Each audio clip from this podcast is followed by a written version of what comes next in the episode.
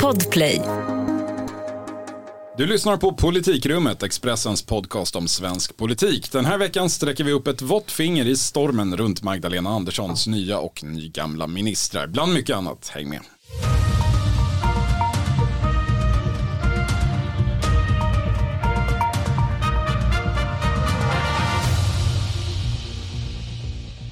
Det är tisdag den 7 december och här i det elfte mötet i politikrummet närvarar du, Helena Gissén. Det stämmer bra det. Och du, Filippa Rogvall. Tjena, tjena. Och jag, Viktor Bart Kron. När vi såg sist här för en vecka sedan då hade ministerlistan i eh, ministären Andersson 1 eh, precis presenterats. Det såg ut tyckte vi då som en satsning på politiskt säkra kort men det har väl snarare blivit mer turbulent än vad någon riktigt hade räknat med. Man kan väl säga att det började ungefär så här i SVTs Aktuellt. Det kommer uppgifter här från Aftonbladet eh, att du har räkningar hos Kronofogden, att Kronofogden söker dig eh, för två räkningar. Varför har du inte betalat dina räkningar? Nej, men jag, jag, jag fick, blev faktiskt väldigt överraskad här i eftermiddags. Eh, tydligen så var det så att det ligger en Telenor-räkning på ett uppsagt bredband som jag inte hade koll på. Jag får ju se om de här mm. räkningarna har kommit digitalt. Och en, eller... en eh, firma också som har fyllt din pool ja, eller utomhusbadkar? Ett, ett, ett utomhusbadkar ja. sen i somras. Eh, jag hade inte koll på det helt enkelt. Ja, alltså det var ju kanske lite dumt att säga sen i, i, i samma intervju i Aktuellt att hon aldrig tidigare slarvat med sin ekonomi förut eftersom medierna... Det här var alltså Annika Strandhäll, eh, nya klimatministern. Precis, ja. Eh, och nygammal minister och tidigare varit socialminister, socialförsäkringsminister. Men resten av veckan ägnade medierna åt att gräva upp ytterligare betalningsanmärkningar och räkningar som hamnat hos Kronofogden. Och man kan väl säga att det hela slutade mer eller mindre med att Magdalena Andersson uppmanade henne att göra en grundlig genomgång av sin privatekonomi. Så får vi väl se vad hon kommer fram till. Men reaktionerna har varit lite blandade ändå på det här. Men jag tror att det som talar till hennes fördel är ju åtminstone de här senare fakturorna som hon då förklarar med att familjen befann sig i kris och hon prioriterade sitt eget och sina barns mående.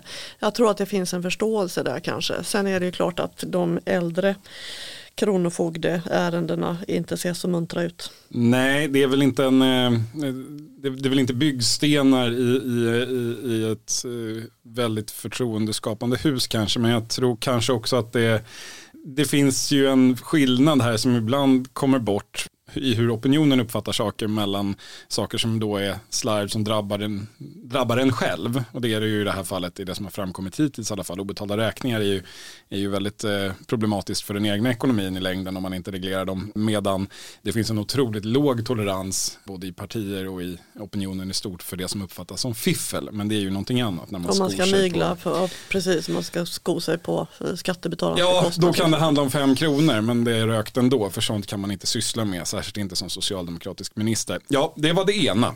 Det gick vidare till eh, den, en helt okänd minister för folk utanför eh, socialdemokratiska kretsar i alla fall. Ida Karkiainen, civilminister. Gjorde inte mycket väsen av sig första veckan. Sen dök det upp en bild på en, vad som onekligen ser ut att vara en eh, nazistisk hälsning publicerades först av nyheter idag. Den här bilden är från när Karkiainen är i 15-årsåldern och det är ju väldigt, väldigt ungt. Hon säger sig själv inte ha något minne av situationen men om det har hänt så var det ironiskt. Hon har heller inget minne av någon vit maktmusik vilket har påstås då eh, förekommit i hennes sammanhang men om det var så att det spelades Ultima Thule så gick hon i så fall fram och stängde av. Ja, det, det, låter väl kanske inte som den, en vanlig 15-åring, som något man gör. Men Helena, det kan vara så att den här frågan ändå växer något. Ja, alltså det, dels om man läser Anna Gullbergs reportage hos oss i Expressen så finns det ju omständigheter där som är intressanta faktiskt. Och eh, hon är fortfarande tillsammans med trummisen i metalbandet Rauptier, Rauptier.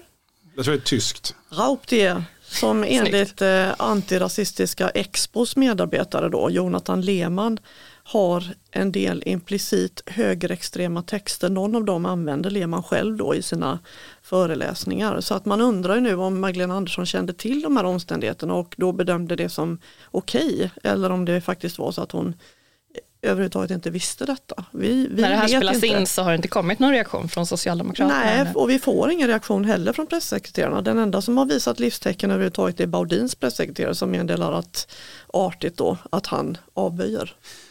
Just det, eh, vi får väl se. Det, det, är ju en, det är ju en intressant, eh, ska vi säga, dubbelassociation här det är hennes eh, partner då som är trummis i ett band vars låtskrivare är en annan. Ja. Man kan nämna också i sammanhanget att det här bandet ger konserter på helt rumsrena scener, till exempel Södra Teatern och så där vidare. Det är en ny typ av eh, potentiell skandalsituation det här onekligen. Det ska bli intressant att se hur man hanterar det och inte mindre intressant eftersom det krokar i en annan sak som hände i veckan med en ny minister i eh, ministären Andersson, nämligen nya kulturministern Jeanette Gustavsdotter. Eh, hon har varit i ja, blåsväder, vet jag inte om vi ska säga, men, men i eh, lite uppseendeväckande eh, saker ett par gånger här under sin första vecka. Först berättade hon att portföljen som idrottsminister, den, den ligger ju nu inte längre på kulturdepartementet som hon hon leder. Utan den har flyttat till, eh, flyttat till justitiedepartementet och eh, Anders Ygeman. Och förklaringen från Gustafsdotter var att eh, detta har skett eftersom det är så mycket brottslighet inom idrotten. Och det här gjorde ju folk upprörda, i alla fall inom idrotten. Och ställd inför de reaktionerna så ändrade sig kulturministern och förklarade att det var inte alls anledningen. Nej, okej. Okay. Eh, sen sa hon så här eh, i SVTs Kulturnyheterna apropå kulturministerns ansvar för att bekämpa brott i Magdalena Anderssons stenvändarregering. Och en av de stenarna man kan vända på är det att uh, utreda gangsterrappen? Ja, ja, absolut titta på det och säga leder detta till brott, då måste vi göra någonting åt det, annars ska vi absolut inte göra det. Det här var väl någonting som Sverigedemokraterna tidigare har lagt fram som ett förslag? Ja, de hade ju sagt då att alldeles dagarna innan att Brå borde undersöka undersöka hur gangsterrappen påverkar gängrekryteringen och det gjorde ju hennes uttalande ännu mer problematiskt naturligtvis för det som SD säger ska ju inte en socialdemokratisk minister säga. Så att, Förutom eh, ibland. Att, ja, förutom ibland. Men det här då att vända på alla stenar det kommer ju inte att, att, att gälla gangsterrappen kan vi ju slå fast nu då. Trots Nej, för folk blev ju då, precis som när hon uttalade sig om det här med idrott och brott, så blev ju folk upprörda över detta och uh, undrade vad det var frågan om. Uh, var på ministern backade igen. Men eh, så, så, så gangsterrappen blir en, blir en liggande sten i, frågan är kanske vilka stenar som alla ministrar ska gå runt och vända på. Det känns redan som att det här begreppet börjar bli något av en belastning och en, mer en, en, en ursäkt för eh, att göra konstiga saker än något eh, produktivt. Vi har hört det i alla fall alldeles för många gånger redan. Mm. Men sen har vi också ett annat, en annan väldigt intrikat situation Helena som eh, utspelar sig ja, i Sveriges regering men också i socialdemokratin i Småland. Ja, det är en sorglig historia med eh, Thomas Eneroth, då, infrastrukturministern. Han får ju sitta kvar trots att det inleddes en förundersökning för sexuellt ofredande mot honom då. Och eh, det här har ju fått väldigt stora konsekvenser i hans hemmalän i Kronoberg, partidistriktet där. Eh, där alla känner alla och det är då en, en högt uppsatt politiker, en kvinnlig, som anklagar honom för att på ett eh, förmingel på S-kongressen i Göteborg nyligen ha tafsat, eh, tagit henne i rumpan på ett väldigt distinkt sätt och eh, han har ju själv då sagt att eh, han har bett om ursäkt men att det hela var oavsiktligt och det har Magdalena Andersson sagt sig tro på och eh, låtit honom då vara kvar i regeringen. Och det här har ju väckt väldigt mycket irritation där nere och sen hör det till att det är en massa personkopplingar. Eneroths partner är då oppositionsråd i Växjö. Hon har gjort sin politiska karriär på feminism och kampen mot övergrepp och så vidare. Hon sitter själv i eh, styrelsen för S-kvinnor och är, vän med ordföranden Annika Strandhäll. Just det, ordföranden i S-kvinnor Annika Strandhäll alltså, som inte har sagt särskilt mycket i det här fallet. Exakt, de har inte sagt ett ljud och det irriterar också då eh, väldigt många nere i Kronobergsdistriktet och nu är det mycket som talar för att Thomas Eneroth efter väldigt många år i riksdagen blir av med sin riksdagsplats. Det är inte avgjort ännu men mycket talar för att eh, irritationen där nere är så stark så att han petas från listan. Och Magdalena Andersson har hittills endast försvarat honom? Eller? Ja, hon har ju sagt då att eh, hon har ingen anledning att misstro att eh, när han säger att det var oavsiktligt då, så att han får ju sitta kvar. Vi får se hur länge. Det, det, det är ändå Eh, det hör till att det alltid är någonting när en ny regering tillträder men en, en sån här turbulent situation har vi ändå inte sett på ett tag. Nej, just vad gäller Eneroth så finns det ju eh, teorier om att det här skulle röra sig om en maktkamp, att det är någon där nere som vill åt hans plats, eh, hans riksdagsplats då, men det tillbakavisas väldigt tydligt av folk där nere i alla fall.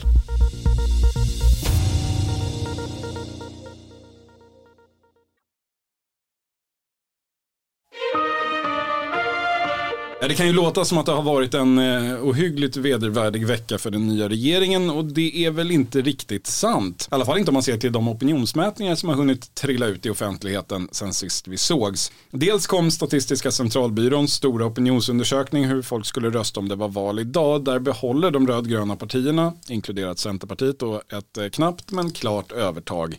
50,6 procent mot den samlade högeroppositionens 48,4 om man då räknar med Liberalerna som är oerhört långt ifrån en plats i riksdagen. Men ännu muntrare Eh, var det faktiskt för Socialdemokraterna att titta på Expressen Sifos förtroendemätning eh, vad gäller partiledarna. Magdalena Andersson har en grotesk överlägsenhet i den ligan. Hon har, alltså 50% har förtroende för henne, vilket är 14, nej 16 procentenheter mer än närmaste utmanare, Ulf Kristersson. Bland kvinnor så har 58% förtroende för Magdalena Andersson, bland män är det 42%.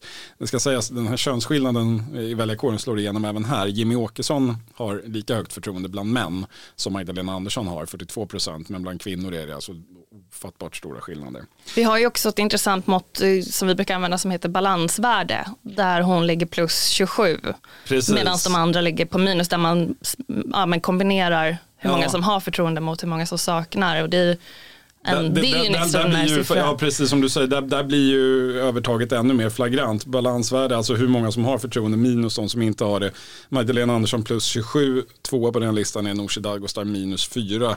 Och sen är det en lång utförsbacke ända till man kommer ner till Miljöpartiet där båda eh, jämställt tickar in på minus 47 i förtroendebalans.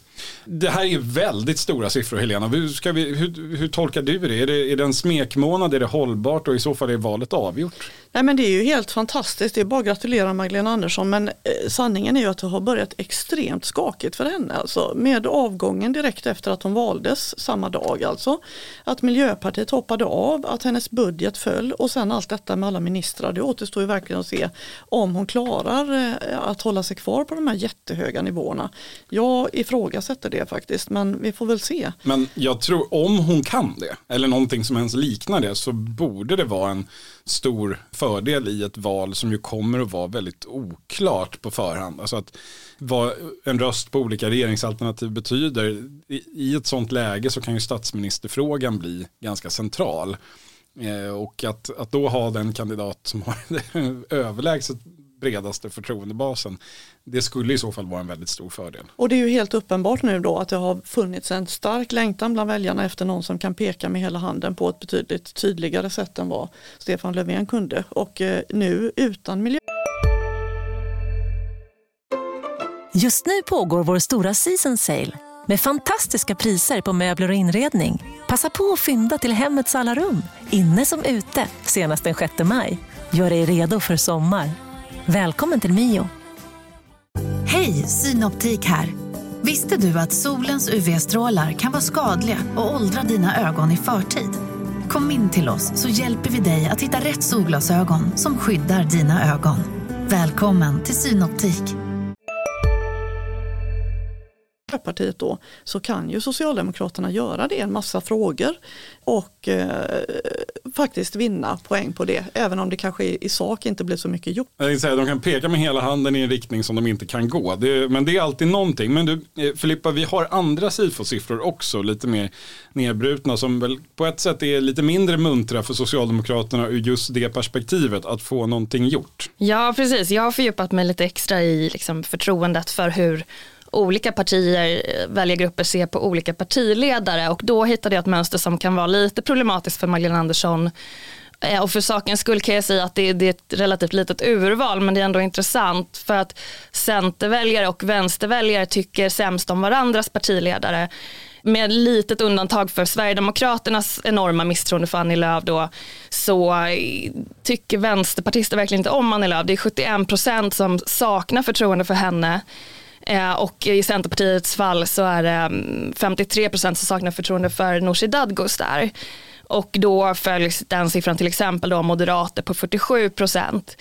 Det är alltså um, det, moderater har, har förtroende för Nooshi Dadgostar i, i högre utsträckning än vad centerväljare har. Precis, och, och det här avståndet mellan Centern och vänster har också ökat sett eh, över tid på ett väldigt tydligt sätt om man ser från i våras och de turer som har varit. Det kan ju bero på att de har ägnat sig drygt halvår åt att slå varandra i huvudet i offentligheten och att väljarna kanske har hört det. Tänker jag då att det, det... Kan ha med det att göra. Ja, men och man kan också se att Adgostar har ja, men, relativt bra siffror generellt även bland högerpartierna vilket kan hänga ihop med misstroendeomröstningen i somras mot Stefan Löfven och så vidare. Ja, vi säger det, hon kommer ju faktiskt tvåa på, på den totala här då när man ser till, till, till, till förtroendebalansen. Men om man tittar då, det där är ju såklart ett problem ur det rödgröna blockets perspektiv att centerväljare och, och, och vänsterväljare inte har någon, några högre tankar om andras partier.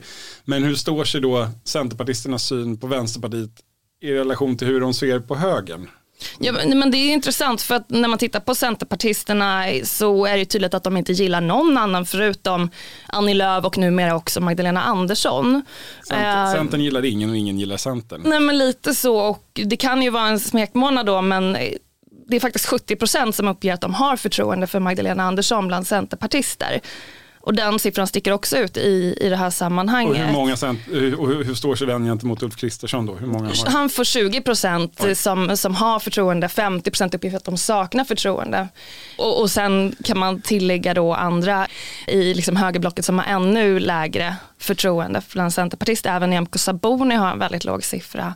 Jag tror det var ungefär 5 procent som uppger att de har förtroende för, för henne bland centerpartister. Oj, oj. Ja, det är, det, det, det är väldigt högt hängande frukt i det här valet för Liberalerna, men det är ett sidspår. Men av det skulle man då ändå kunna landa i att de gillar inte varandra, men de kommer inte undan varandra, Centerpartisterna och Vänsterpartisterna. Nej, men precis, om, om förtroendeklyftan mellan de två statsministerkandidaterna är så, är så stor. Och, det är tydligt att de föredrar en socialdemokratisk ledare i nuläget åtminstone. Trots Vänsterpartiet. Ja. ja. Så det är bara att bryta ihop, komma igen och ta en kaffe och se om man kan eh, reda ut sina skiljaktigheter om det ska bli något gjort. Ja. Det här eh, överhuvudtaget är det ju så att eh, relationerna på den här rödgröna sidan då, som jag säger och i den termen räknar jag alltså in Socialdemokraterna och stödpartierna, Vänsterpartiet, Miljöpartiet och Centern. Relationerna på den sidan har ju inte direkt lugnat ner sig under den vecka som har gått sen, eller de två veckor som har gått nu sen den, den galna onsdagen när alla eh, allt brakade samman och alla röstade ner varandra. Nu senast så anklagade tio miljöpartitoppar den socialdemokratiska regeringen för att ha en miljöfientlig agenda och för att i praktiken förfölja samer. Miljöpartiet Helena har verkligen gått ut hårt i sin efterlängtade semi-oppositionsroll. Ja, de är ju också otroligt besvikna ska man komma ihåg. Jag kan på sätt och vis förstå miljöpartisterna för det tog ju inte särskilt många sekunder efter att den nya regeringen hade tillträtt förrän de socialdemokratiska ministrarna i väldigt uppspelta ordalag började prata om alla de här nya besluten som de ska ta då. Och Karl-Petter Thorwaldsson eh, som är näringsminister, hans utsaga om hur Socialdemokraterna älskar gruvor som han uttryckte Alltså det är snarast ägnat åt att ta avstånd från allt vad Miljöpartiet står för. Så att ja. Det känns ju lite grann som att Socialdemokraterna bara har väntat på det här tillfället att skjuta ut Miljöpartiet från regeringen. Och, eh, så att jag, jag hör väldigt mycket ilska och besvikelse i det här då. De skriver i den här artikeln att det är med stor sorg vi ser att vad vi oroat oss för på bara några dygn är ett faktum. Vare sig naturen, djuren eller Europas enda urfolk med grundlagsskyddad rätt att behålla och utveckla sin kultur finns med på den nya regeringens dagordning skriver Märta Stenevi och flera kan det inte vara även från Miljöpartiets håll att man har längtat lite efter att få den här rollen? Jo men de ser väl möjligheter naturligtvis men i grund och botten så tror jag att de eh, faktiskt är, är framförallt eh, arga och besvikna. Men visst, det är, de tar ju chansen nu. De ska till exempel försöka på alla sätt att eh, få bort det här sänkningen av bensinskatten. Men, men, då, men då landar ju ändå, då, på det följer ju ändå en fråga. De säger att nu händer det som de var rädda för eh, och att Socialdemokraterna tar den chans de hela tiden var rädda att Socialdemokraterna skulle ta. Därför har de bitit sig fast i regeringen. Var det då inte ett misstag att lämna regeringen? Ja, det kan man ju verkligen fråga sig. Om, om konsekvenserna blir, om man, om man nu menar allvar med att konsekvenserna blir så stora så kan man ju undra om om, om det här med markeringen mot att man förlorade 10 miljarder eh, 20 miljarder i en budget om 74. Eh, var det värt det? Ja, men grejen är att de säger att det är helt otänkbart för dem att eh, regera på en budget som har förhandlats med Sverigedemokraterna. Det verkar vara deras absolut tyngsta skäl. Men, Det- sen, men- sen tror jag att de kommer att ompröva eller överpröva och utvärdera, var det här verkligen rätt? Det tror jag att de kommer Får och se vad väljarna säger. Får se vad väljarna säger, precis. Om väljarna tycker att det, var, att det var toppen så kanske alla trivs kanon i Ja, de har ju alla, alla eh, de, har, de har precis som många andra partier en stor press på sig att eh, höja sina opinionssiffror, så är det ju. Så den chansen ökar väl nu.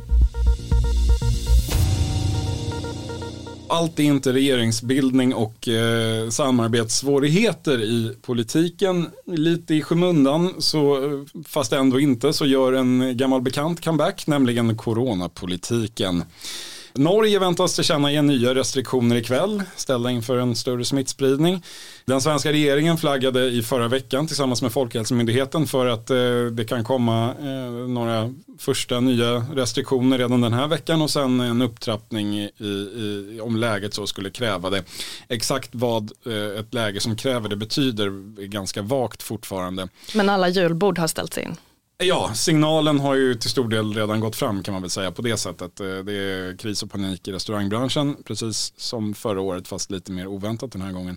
Restriktioner är alltså på väg tillbaka, men min bild är att frågan är tämligen död partipolitiskt igen. Eller som den har varit hela tiden. Helena, vad, vad, är, vad ser du? Ja men så är det ju verkligen. Alltså det, den, det var ju ganska rivigt precis i början, våren 2020. Ja, Eh, mot slutet av våren i alla fall. Ja, mot slutet av våren. Men sen eh, kan man ju säga faktiskt att det i princip har dött ut. Och jag tycker också att det har funnits en märklig skillnad mellan tonen i medierna och eh, folks beteende på stan. Nästan ingen på bussen har ju munskydd när det inte är påbjudet till exempel och så vidare. Så att, eh, det är intressant det här. Sen har väl många partier lite grann men, förlorat sin trovärdighet eller de uppfattar väl själva att det är svårt att uttala sig i den här frågan när de inte riktigt har haft en tydlig ståndpunkt från början. Kanske, men samtidigt kan jag tycka att det börjar bli- väl i så fall bli dags att tänka om det där. Tiden går, det har snart gått två år sedan det här eh, ut, ursprungliga utbrottet. Och eh, det här är ändå en rätt central fråga i svenskt samhällsliv. Det vore väl inte helt fel om man åtminstone innan valet hade skaffat sig en, en begriplig ståndpunkt i eh, vid vilka lägen ska man ha restriktioner, vilka restriktioner är acceptabla, ska man förbjuda folk att gå på begravningar, får man ha möten, ska vi ha en valrörelse? Alltså det finns, det finns väldigt mycket, och hur länge ska vi hålla på? Ja, för det är ju enorma inskränkningar i den personliga friheten som har gjorts och som man möjligen då vill göra igen. Ja, och det, detta föregås, det betraktas som någon slags väderprognos när regeringen säger det. Jag tycker det är aningen märkligt. Men eh, ni var inne på det, det, det finns ju trovärdighetsproblem och det finns en svagare efterlevnad då kanske man kan säga. Det, förra vintern, eller motsvarande tidpunkt förra året, så var ju det ett stort tema i varför man då plötsligt eh, skulle ha tuffare restriktioner än man hade haft tidigare, nämligen att folks eh, efterlevnad av de allmänna råden var för låg. Därför började man införa, därför behövde man pandemilag, därför skulle man begränsa tillträde till butiker, därför skulle man eh, ja, göra både det ena och det tredje och stänga krogarna klockan åtta och så. Så nu kommer det behöva vara ännu tuffare Ja, men enligt, enligt samma logik, för tittar man på, det, regeringen var ju själv förra året ett ganska bra exempel på att eh, efterlevnaden av mm, allmänna rekommendationer inte var skyhög. Stefan Löfven sprang på gallerian, vilket var liksom, ordagrant mot eh, de råd som då gällde i, i den region han befann sig, nämligen Stockholm. Eh, vi hade Morgan Johansson som gick på mellandagsren i, eh, i strid med regeringens eh, uttalade förhållningsrekommendationer. Vi hade en hel, Dan Eliasson, beredskapsmyndighetens generaldirektör, åkte till Las Palmas och så vidare. Vi såg ju Finland som ju av många framhålls som ett eh, föredöme när det gäller en mer restriktiv coronahantering. Där har de ett eh, liknande problem får man väl säga, fast värre. statsminister eh, Sanna Marin, Marin, Marin? Osäker. Ja, jag med. Ehm, hon är i blåsväder. Eh, hon har nämligen varit på krogen, på restaurang Grotesk och nattklubben Butchers. Troliga namn. Tyckte det kändes väldigt... ehm, Finskt. Ja, någonstans. Och det var hon då trots att hon mycket väl kunde vara smittad eftersom hennes regeringskollega Pekka Havis då hade testat positivt. Men hon hade fel mobil med sig påstår hon och fick inte med sig. Så det, det, det sätter väl någonstans fingret på hur svårt det kommer vara att försöka upprätta någon slags restriktionsregim igen. Och jag började direkt fundera på vad, eh, Jag tror ändå man ska ha lite koll på det här med reseavrådan. Att någon minister eller partiledare kanske har bokat en solsemester över vintern. Det är möjligt att det blir en lex Dan Eliasson i år igen. Ja, och det var ju då dessutom, ska vi säga, förra året när det var svårt för folk och regeringsmedlemmar och myndighetschefer att följa rekommendationerna. Då var ingen vaccinerad. Nu är alla som vill det vaccinerade. Det verkar inte spela någon roll längre med vaccinen. Jag vet inte Nej, det verkar, det, det, har följt bort. Men eh, ja, vinterns politiska coronaskandal i Sverige då. Jag säger Annika Strandhäll på nationalistisk metalkonsert utan coronapass. Ja, jag får väl vara seriös här då. Jag, jag, kan tänka mig att Coronakommissionens slutrapport som kommer i februari har en viss potential att eh, skaka om. Det har de ju gjort med sina delrapporter i alla fall. Jag skulle vilja säga Magdalena Andersson på eh, Hell's Kitchen eller någon klubb på Stureplan som finska statsminister. Men jag tror kanske snarare att vi får se DJ-ministern, nya energiministern Kashnayar Farmanbar ja. ute på fest. Ja, han kanske spelar någonstans på nyår. Och så Exakt. Ja. Mm. Kanske det. Magdalena Andersson ska vi säga var ju och avslöjades ju eh, hyra pjäxor i Sälen förra vintern då. Just det. På den tiden när, när skidåkning ansågs vara mycket eh, moraliskt tvivelaktigt. Men hon kom undan det. Hon har kommit undan det mesta och har som sagt kompakta förtroendesiffror. Vi får se om de överlever en till coronavåg. Tack för idag Filippa Rovall. Tack så mycket. Tack Helena Gissén. Tack ska du ha. Vi kommer tillbaka om ingen stänger ner oss nästa tisdag. Här är Politikrummet från Expressen. Tack för att ni lyssnade den här veckan. Hej då.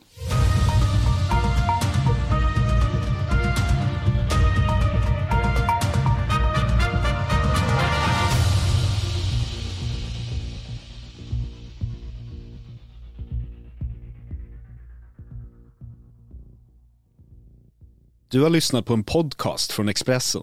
Ansvarig utgivare Klas Granström. CSRD, ännu en förkortning som väcker känslor hos företagare.